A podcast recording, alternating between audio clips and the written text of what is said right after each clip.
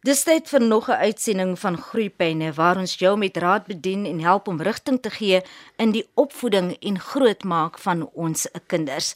Vanoggend hier in Groeipyne gesels ek met opvoedkundige sielkundige Quentin Adams. Hy sit hier oorkant my en Quentin, baie baie dankie dat jy ingestem het om met my te gesels hier op Groeipyne.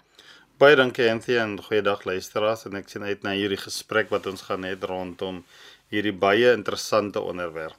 Nou Quentin dra vele hoede. Ek het gesê hy's opvoedkundige sielkundige, hy's 'n kenner oor bende geweld en ook kinders in krisis en dis 'n gesprek vir 'n ander dag, maar ek dink ons kan tog wel raakpunte kry met ons onderwerp op die tafel vanoggend en ons gaan bietjie gesels oor skoolgeweld in al sy fasette, maar dit is amper 'n oorkoepelende term, nê, nee, Quentin?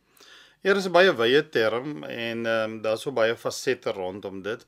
En is 'n toenemende krisis um oor die jare wêreldwyd, is 'n wêreldwye verskynsel. Ek was so 9 jaar was ek 'n skoolvoorligter in 'n area gewees wat uh daar baie bendes was en daar was baie uitdagings rondom bende geweld binne in die gemeenskap. En dit is waar ek begin um werk het met geweld op skole en hierdie um verskynsel het dan later gemanifesteer in 'n breër veld waarin ek betrokke begin raak het.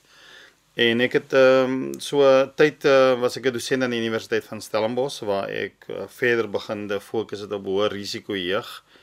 En ehm um, wat tans gebeur is dat dit eskaleer op hierdie stadium en hy begin verskillende forme aanneem en die fokuspunte is ook uh, verskillend en ons sal seker vandag praat oor die verskywing in die fokuspunt van van geweld in skole. Maar hoe definieer 'n mens geweld of skoolgeweld? Ek dink die is 'n baie eenvoudige definisie is dat enige gewelddadige optrede ehm um, het sy dit fisies is, het sy dit emosioneel is wat plaasvind binne in skoolverband. Ehm um, en die belangrikste gedeelte daarvan is dat dit skade veroorsaak. Dit is skadelik. Nou baie keer ehm um, sê mense as 'n kind 'n ander kind uh, vloek jou ma se byvoorbeeld, dan is dit streekstaal of dis die kultuur van hoe ons praat, maar dit is skadelik. Dit um strem die kind se um, se welwees, dit maak seer, dit veroorsaak pyn. Um daar's 'n emosionele letsel wat veroorsaak word. So ek het begin te fokus op die hele spektrum van geweld um op skole, vanaf lae aggressie tot kinders wat ander kinders doodmaak of ernstig beseer. En ehm um, so die definisie is basies dat enige besering uh of dit emosioneel of dit fisies is of dit met 'n wapen is wat op 'n skool plaasvind is word beskou as uh geweld in skole. En die interessante gedeelte is daar's internasionale konferensie. Ek kan onthou die een wat ek bygewoon het in Frankryk in Bordeaux het hulle baie interessante stelling gemaak. Is hulle gesê dat ons kan nie die gemeenskap losmaak van die skool nie. Baie mense wil die gemeen, wil die skool losmaak van die gemeenskap, maar jy kan nie die gemeenskap losmaak van die skool nie, want die skool is deel van 'n gemeenskapstelsel.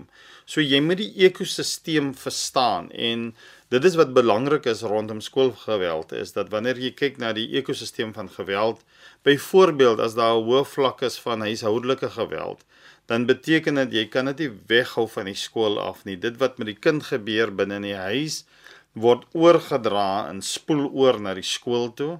Um die krisis wat die kind in die pad het, wat die krisis wat die kind het in die gemeenskap Um en daarom is dit belangrik dat ons moet hierdie vennootskap, skole vennootskap met gemeenskapsvennootskappe moet ons in in 'n plek kry. Maar baie interessant is dat uh, in 1999 was daar in Amerika hierdie bekende Columbine uh, skietery gewees. Ehm um, waar hierdie twee seuns Harris en uh, wat was hy aan die naam Calbold was betrokke gewees. En daar was 'n daar was 'n sielkundige wat hierdie saak begin ondersoek het met die naam van professor James Gabrino. En ek het kontak gemaak met hierdie hierdie professor ehm um, en sy werk gevolg en so 10 15 jaar daarna ehm um, ja, toe kom hy fisies na Suid-Afrika toe. Ek het hom in Kanada toe ontmoet en hom gesê dat ek fokus 'n uh, groot gedeelte van my werk op um geweld in skole en hy was in die Kaap gewees. Hy het my kom besoek. Hy's nou al 'n ouer man gewees. Um en hy het werkswinkel saam met my kom aanbied en dit was uh, om hierdie hele verskynsel van geweld en misdaad en hy het 'n boek geskryf um why why boys are killing other boys en uh, ek het vir hom gesê ek wil graag die regte oorkoop van hierdie boek en uh dit omskakel want daar's so baie um diep psigologiese verstaan want mense dink armoede is die grootste oorsaak van geweld en dit is nie so nie dit is baie ander fasette en ek hoop ons kan daaraan ook raak. Ja, want soos ek jou sê, miskien sal ek jou weer moet nooi dat ons 'n opvolggesprek gaan hê want ek kan sien hierdie praatjie gaan nog baie baie baie voete en hande en tone kry. As ons praat van skoolgeweld, fokus ons hoofsaaklik op kinders wat reeds op hoërskool is of begin ons by ons kleiner kinders en die gedrag wat daar presenteer? Ek het 'n studie gedoen terwyl ek by die universiteit was oor die gekyk na alle moontlike uh, publikasies wat oor skoolgeweld al gedoen was. En ehm um, dit was 'n baie interessante studie en die literatuur praat al hoe meer dat ons moet baie vroeër begin. Ehm um, ek dink ons is baie insident georiënteerd. As daar insident plaasvind, dan mobiliseer ons die gemeenskappe en ons het nou hierdie protesoptogte En ons is net nie proaktief in terme van die hantering daarvan nie. Byvoorbeeld toe Anin Boysen in in, in Bredasdorp ehm um, brutaal vermoor was, toe was dit massa optogte geweest en ons het nie stil gestaan om te kyk na die insident nie. Wat het presies daar gebeur? Want dit was 'n baie unieke moord geweest. Dit was uh, in Engels noem hulle disembal. Sy was disembal. Sy was um, en net daarna het daar nog 'n paar insidente plaasgevind van vroue wat vermoor was. En dan kry jy hierdie massa protesaksie, maar ek dink nie ons het al gekom by die punt waar ons sê kom ons staan stil en ons kyk na die sielkunde van geweld nie. Um en ons analiseer oor hoekom is hierdie gewelddadige misdaad um so so hoog nie. En wanneer ons kyk by die by die skole, dan dan vind jy uit jy moet veel vroeër begin. Van van baie van hierdie kinders word al ehm um, blootgestel aan geweld uh van 4, 5 jaar oud en wanneer hulle speel ook. En net interessant het ek was by 'n kerk gewees ehm um, in een van die ehm um, areas op die Kaapse vlakte en ons het die barmhartige Samaritaan gedoen. En toe vra ek wie wil die rowers wees en toe wil almal die rowers wees. En toe vra ek vir hulle hoekom wil hulle die rowers wees? En hulle gee vir my 'n verduideliking en hulle vra toe vir my uh, ankel um, kan ons WWE opdoen? Kan ons kan ek undertaker wees? Kan ek hierdie ene wees? Uh, kan kan ek die, die man steek met 'n mes in? En en en dit het vir my gewys dat hierdie kinders se se uitkyk en hulle paradigma is so gewelddadig ingestel dat hulle kan nie ander hulle kan nie ander alternatiewe metodes gebruik hoe om dit te kan doen nie. Maar ek dink ons moet begin stil staan op die op die sielkunde van geweld. Want uh, kinders word blootgestel aan dit, hulle sien dit in die pad, hulle sien dit op die televisie, hulle um, kyk na wat gebeur in die media, hulle word gebombardeer en hulle siege is nie ontwikkel op so 'n vlak dat hulle dit kan reg prosesseer nie. En en daarom wanneer ons moet begin, dink ek moet ons dit op op voorskoolse ouderdom begin. En en 'n 'n interessante gedeelte is wat ons noem nie-verbale ehm um, non non-violent communication. Nie gewelddadige kommunikasie. As ek kwaad word, wat is die eerste ding wat ek moet sê? En ek moet vir jou sê, ehm um, Entia, ek het navorsing gedoen op die Kaapse vlakte en met omtrent 13 skole oor vloekery. Um, en ek het vir hulle gevra, "Was jy al gevloek?" Almal was al gevloek. Ek het vir hulle gevra, "Wat was daar gesê vir jou?" En en en en meeste van die kinders het gesê jou ma se pie. Almal het gesê vir hulle hulle hoor dit. En ek het 145 verskillende variante van jou masopie gekry en hulle het vir my neergeskryf. En ek het hulle gevra wat dink julle en almal sê nadat hulle daai vloekwoord ding dan dink hulle aan geweld, hulle dink om te beseer. Ehm um, in 'n hele groep het was daar net een kind wat gesê het ek gaan hulp soek. Wat vir my sê dat hulle ehm um, in in in hierdie in hierdie adage van violence begets violence ehm um, uh, geweld inspireer geweld. Um het in daai navorsing voorgekom want daar was net een kind wat gesê het ek gaan hulp soek. Uh, een kind wat gesê het uh uh ek gaan nie toelaat dat dit gebeur nie, maar almal het gereageer, het gewelddadig gereageer. En daarom is dit belangrik dat ons baie werk moet begin te doen rondom non-violent communication op 'n baie vroeë stadium. Um ek het nou die dag um, net vir interessant het 'n paar jong kinders bymekaar ge, geroep want ek het was geïnteresseerd oor hierdie gender-based violence konsep. Hulle verstaan nie wat beteken dit nie. En die seentjie sê vir my, "Maar oom, my my my pa slaan my ma." En as my pa my ma slaan, dan sê my pa vir my ma, "Maar jy wil nie hoor nie." En en toe dink ek aan oom, toe toe besef ek nou wat moet my pa maak as my ma dan nie wil hoor nie.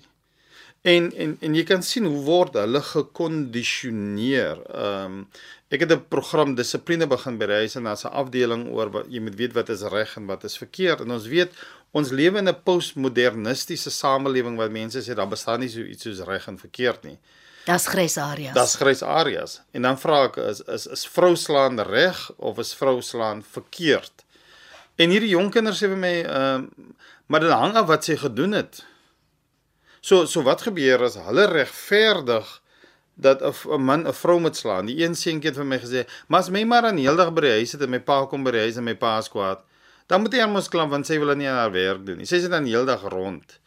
En en hulle is so ons noem dit violence induced behavior. Hulle is so ehm um, gewelddadig georiënteer en hulle verstaan tot op die punt wat James Gabrino sê dat wanneer geweld normaal begin te word. Dit is 'n norm, dit is genormaliseer. As iemand my kwaad maak en ek tree nie op gewelddadig nie.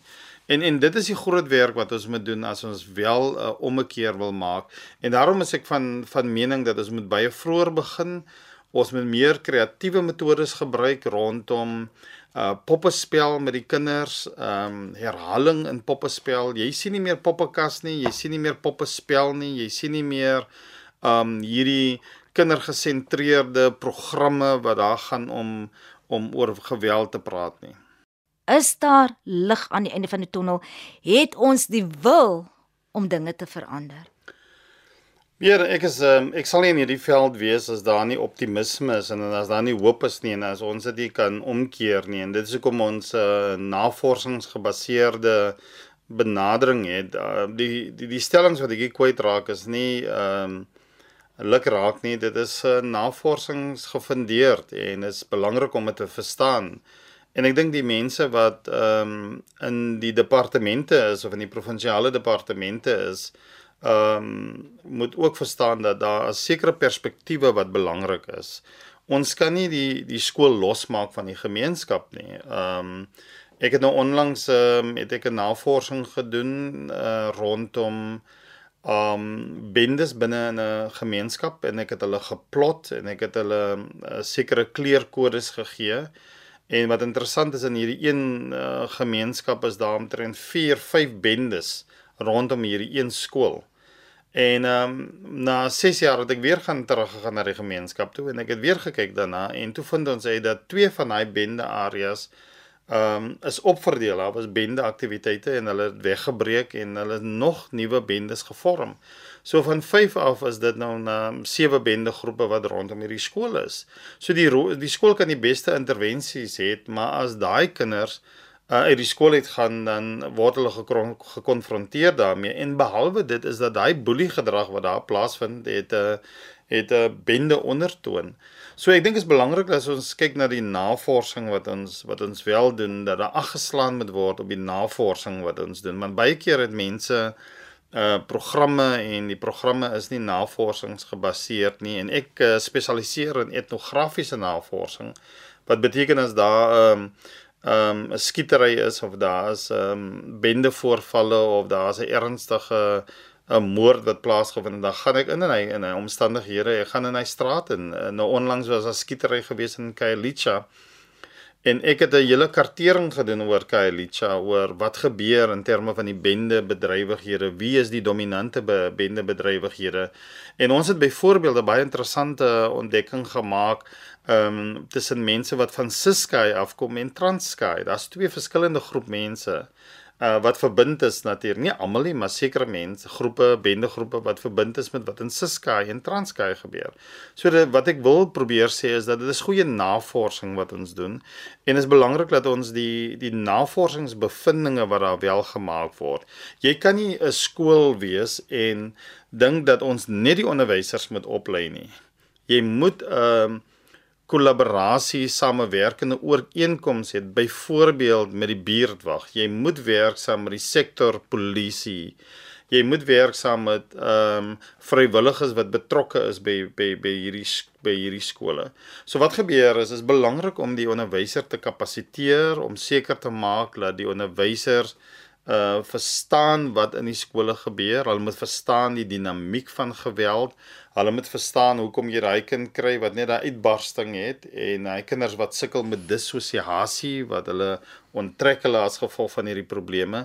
Maar ek dink ons moet 'n um, 'n meer holistiese benadering het wanneer dit kom by skoolgeweld. Skoolgeweld kan nie net ons kan nie net die onderwysers verantwoordelik hou om met die kinders te kan werk nie en van hierdie gevalle is is is baie baie erge psigopatologie wat wat wat wat plaasvind wat wat hierdie kinders mee het. Byvoorbeeld die kinders wat met gewere kom na die skole toe, die kinders wat met skerp voorwerpe kom. Um die skole en ek dink dis belangrik dat die senior um onderwysspan moet verstaan die geografiese ligging van die hmm. skool. Wie is die bendes? Wie is die uh, dwelmbase daar? Wie wat gebeur in die gemeenskap? Want dit wat in die gemeenskap gebeur is besig om oor te spoel. Maar ek dink is belangrik dat ons moet 'n uh, 'n uh, wetenskaplike holistiese benadering hê en ons moet na die stelsel begin te kyk. Ons kan nie net uh ingaan en sê ons gaan nou die onderwysers oplei en dan gaan ons nou hier ontslaa raak van hierdie van hierdie verskynsel nie. En dan is daar 'n baie interessante ding is dat jy kan nie geweld losmaak van die van die dwelms wat daar plaasvind nie. Um ek was betrokke met die hersiening van die bende strategie van die Wes-Kaap en ek het oor die 60 bende leiers en mense mee onderhoude gevoer. Um en daar is sekere praktiese intervensies wat ons wat ons wel kan kan doen. En ek sal graag met uh, wil deel met wat ons by een skool gedoen het uh, so 'n paar jaar gelede ehm um, waar ons met hierdie kinders geïdentifiseer het uh wat probleme gee. En ek was nou onlangs by die skool gewees en ek sal met graagte die skool uh se naam wil gee en die prinsipaal wil gee. En ehm um, en miskien daarop fokus want as ons daai tipe van intervensies het met die kinders ehm um, saam met die onderwysers met die kinders en met die gemeenskap dan kan ons dit beslis omdraai. Hoe versprei ons daardie boodskap? Hoe kry ons onderwysers sover om daardie passie te ontwikkel om daardie energie te hê want onderwysers gaan vir jou sê met dag is al klaar so vol ek sit met 40 kinders ek kan nie elkeen se persoonlike probleme en die aggressie waarmee die kind die skool betree op 'n daaglikse basis hanteer nie ek het eenvoudig net nie die tyd daarvoor nie Ja, dis hoekom ek sê dat ons kan nie onderwysers verantwoordelik um, hou alleen vir hierdie probleme nie. Ehm um, maar ek moet ook sê dat daar is sekere goed wat die onderwyser moet verstaan. En een van die interessante dinge wat die onderwyser moet verstaan omdat hulle in 'n klaskamer het. Ek werk op ehm um, ses gedragsdinamieke wat hulle moet verstaan. Hulle moet verstaan wat beteken verplasing van konflik wanneer daai kind van die huis af kom en hy kom na die skool toe en hy bring al sy aggressie na die skool toe. Ehm um, die onderwyser moet verstaan wat is irrasionele denke. Daai kind sit daar en skielik vlieg hy kind heeltemal op. En jy verstaan nie wat besig is om te gebeur nie. Dan die ander ene wat baie interessant is en baie moeilik is en eintlik gevaarlik is wat ons noem hierdie kind met hierdie ehm um, aggressiewe gedragsversteuring. Ek wil nie die woord versteuring gebruik nie, maar gedrag is hierdie ouetjie wat die ander kind klap en dan voel hy net niks nie. Ehm um, hy klap en hy maak seer en dit is net nooit sy skuld nie. En dan kry ons die ander ene is dat baie van hierdie kinders uh sukkel met wat ons noem 'n lae impulsbeheer. Ehm um, hy's 'n vinnige ouetjie. Hy klap vinnig en dan hy en dan sê jammer hy het dit gedoen. En dan kry ons die ouetjie wat net nie die vaardighede het nie. Nou in 2013 was ek genooi na 'n primêre skool toe Noordhoek. Meneer Ruiters is die prinsipaal daar. En hy het vir my gesê dat hulle omtrent 13 kinders geïdentifiseer wat probleme gee. En toe ons daar kom, toe vind ek uit dat al daai 13 kinders Hulle het nie 'n verplasing van konflik nie. Hulle het ehm um, 'n tekort aan vaardighede. Hulle weet net nie hoe om op te tree nie. Hulle weet nie om vriende te maak nie. Hulle weet nie om konflikte hanteer nie. En ek sal nooit vergeet hier, daar was 'n seentjie wat in die moeilikheid gekom het. Hy hy het eers hy het eers baie gevloek en dan kry hulle dan slaan hulle hom en toe begin hy klip gooi want dan staan hy verder. En ek het omtrent uh, in 2013 'n volle week met hulle elke dag was ek aan die Weskus gewees in Noord in Noordhoek by meneer Reuters. En ons het gewerk met hulle. Ons het uh, alles wat ons moontlik kan doen met jong mense het ons gedoen. Ek het seker half 7 in die aand het ek klaar gemaak van die middag af. En ek was nou so um 2, 3 maande gelede was ek nou weer in Noordhoek gewees en toe vat ek hierdie uh, foto's van hierdie kinders en ek wys vir meneer Reuters en hy gaan volg toe op wat het met daai kinders gebeur.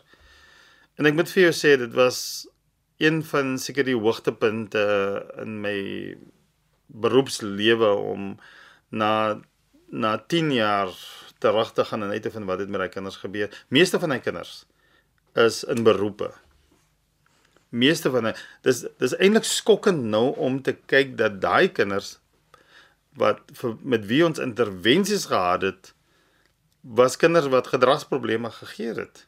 Ehm um, daai meneer het gesê hy hy kan nie glo wanneer hy een werk by die uh, brandweer waar hy besig om hulp te gee. Hy kan nie glo dat daai kind is jy. Kyk na die en die onderwysers was geskok geweest. Hulle kon nie glo dat daai kinders van hulle, ek dink meeste van hulle het matriek klaar gemaak. Ek dink as een Ruben die klipgooiertjie is nou in graad 12. En en wat ek sê is dat ons se kinders gaan deur emosionele probleme. Hulle gaan deur krisisse. Hulle kom met huise uit wat wat wat opgebreek is, waar daar geweld is. Hulle kom met gemeenskappe uit. Hulle het 'n regverdige kans nodig en 'n tyd nodig waar iemand met hulle begin te werk en hulle heroriënteer. Dit hoef nie noodwendig 'n onderwyser te wees nie. Dit kan 'n maatskaplike werker wees, dit kan 'n fasiliteerder wees, maar ek dink hulle moet uitgetrek word uit die stelsel uit en hulle moet in die gemeenskap moet daar intervensies met hulle wees. En ek moet vir jou sê dit was so opwindend geweest om te sien dat hierdie kinders wat gedragsprobleme gegee het, ehm um, nou op 'n trajectory is van suksesvolle probleme. En dis hoekom ek sê ons kan nie onderwysers vir alleen verantwoordelik hou nie, maar onderwysers het 'n verantwoordelikheid wat hulle in die klas moet doen. As daai kinders erge gedragsprobleme begin te gee, dan moet ons hulle uittrek uit die skool uit en dan moet 'n 'n buitekurrikulêre program moet ontwikkel word. Een van die beste buitekurrikulêre programme NVA as hulle moet deel word van van van sport of hulle moet deelneem van toneel of drama. Maar ek dink dit is belangrik dat elke kind het 'n heroriënteringsprogram nodig. Hulle het 'n rolmodel nodig. Hulle het 'n ander stelsel nodig om hulle vaardighede eintlik te kan ontwikkel. Ek het met jong manne gewerk. Ek sal nooit vergeet nie in 'n um, in 'n gemeenskap. Um daar was 67 jong manne was doodgeskiet binne in 6 maande. Jy kan die rekords gaan kyk daarso. En dit het geeskaleer. Daar was 'n oorlog gewees tussen hierdie bende, twee groot bende groepe en toe begin hulle jong mense te skiet en hulle was execution style geskiet. Hulle was almal deur die kop geskiet. En ek het in hy gemeenskap in beweeg en ons het 'n live speakers groep het ons begin om te sê kom ons kom by mekaar ons spreek net lewe ons praat net positief en En ek moet vir jou sê uh, net eergister bel een van die leiers vir my en sê jy sal nie weet waar werk ek nou nie. Ek werk nou by Bonitown. Ek werk nou met hoë risiko jeug. Hy werk met die gevaarlikste jong mense wat jy onder die son kan kry. En hy bel my en hy sê vir my Quentin, ek wil net vir jou sê ek is nou weer besig met 'n live speakers program en so aan. Hy leer vir hierdie kinders om met 'n nuwe kyk te hê van wie hulle is. Hulle word gedefinieer as gevolg van hulle bende assosiasie. Hy bly daar met die junkie funkies. So hy is nou skielik 'n junkie funkie.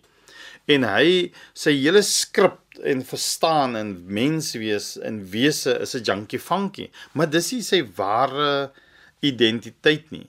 Maar as hy uitgehaal word en hy word 'n nuwe uh skemate gegee, nuwe kognitiewe skemate van wie hy is, wat hy kan doen, wat hy waarmee hy besig is. Ons het nou in die Shack Builders program met ons die backyard varsity begin. Werklose jong mense wat sukkel oor wie hulle is, hulle sukkel om te definieer wie hulle is. En en ons het nou vir hulle begin te vaardighede gee. Ek sê vir jou ons het 'n guldige geleentheid met 'n fantastiese klomp jong mense op die Kaapse vlakte wat groot potensiaal het. Hulle wil nie 'n lewe van geweld en bendes vir hulle hê nie. Ek werk nou al 20 jaar in hierdie uh geweld en in hierdie bende kultuur en omstandighede. En daarom sê ek dat ons moet begin met 'n nuwe aanslag van jeugprogramme. Ons kan nie net wag vir die provinsiale regering om om dit te doen nie. Ons moet vra vir religieuse instansies. Ons moet vra weer vir 'n uh, nuwe NGO's. Kom ons kom by mekaar en ons politiseer nie hierdie kwessie nie. En ons begin nie met 'n partytetiese beweging nie kom ons reclaim hierdie jong mense want hulle het die potensiaal. Ons het nou bouers. Um ons leer vir hulle projekbestuur. Ons leer vir hulle logistieke. Ons leer vir hulle kosteberekeninge. Ons leer vir hulle so baie vaardighede. En ek het net verlede week besef dat ek dink ons moet 'n nuwe aanslag begin te hê en sê dat ons gaan nie net ehm um, vasgevang word en verstrengel word deur hierdie geweld wat oor ons kom nie, maar ons gaan daadwerklike jeugaksies hê in die gemeenskappe waar dit saak maak en ons kan dit omdraai en ja. Dis my gas vanoggend in groep en ek kan hoor hoe passievol is Quentin Adams vanoggend oor die onderwerp op die tafel. Ons het dit breër getrek want Quentin het 'n passie vir jong mense en om daardie potensiaal te ontgin en te ontsluit. 'n Man wat vele hoede dra, soos jy kon hoor, kenner oor bende geweld, baie navorsing gedoen, ook kinders in krisis en baie projekte waarmee Quentin besig is en wat Quentin dan ook terugstaan en sê, "Nou het ek dit begin saam met julle en nou kan julle verder die pad stap." Terwyl ek aan 'n volgende idee dink en nagte wakker lê daaroor. Quentin mooi loop en baie baie dankie. Baie baie dankie en teen sterkte. Dit dan die einde van groepenne vanoggend hier op RSG van my kant af Anthea Fredericks onthou ons maak weer so volgende donderdag maar intussen kan jy hierdie gesprek ook aflaai as 'n potgooi op ons webwerf www.rsg.co.za. Tot volgende donderdagoggend hê 'n lekker week en kyk na jouself.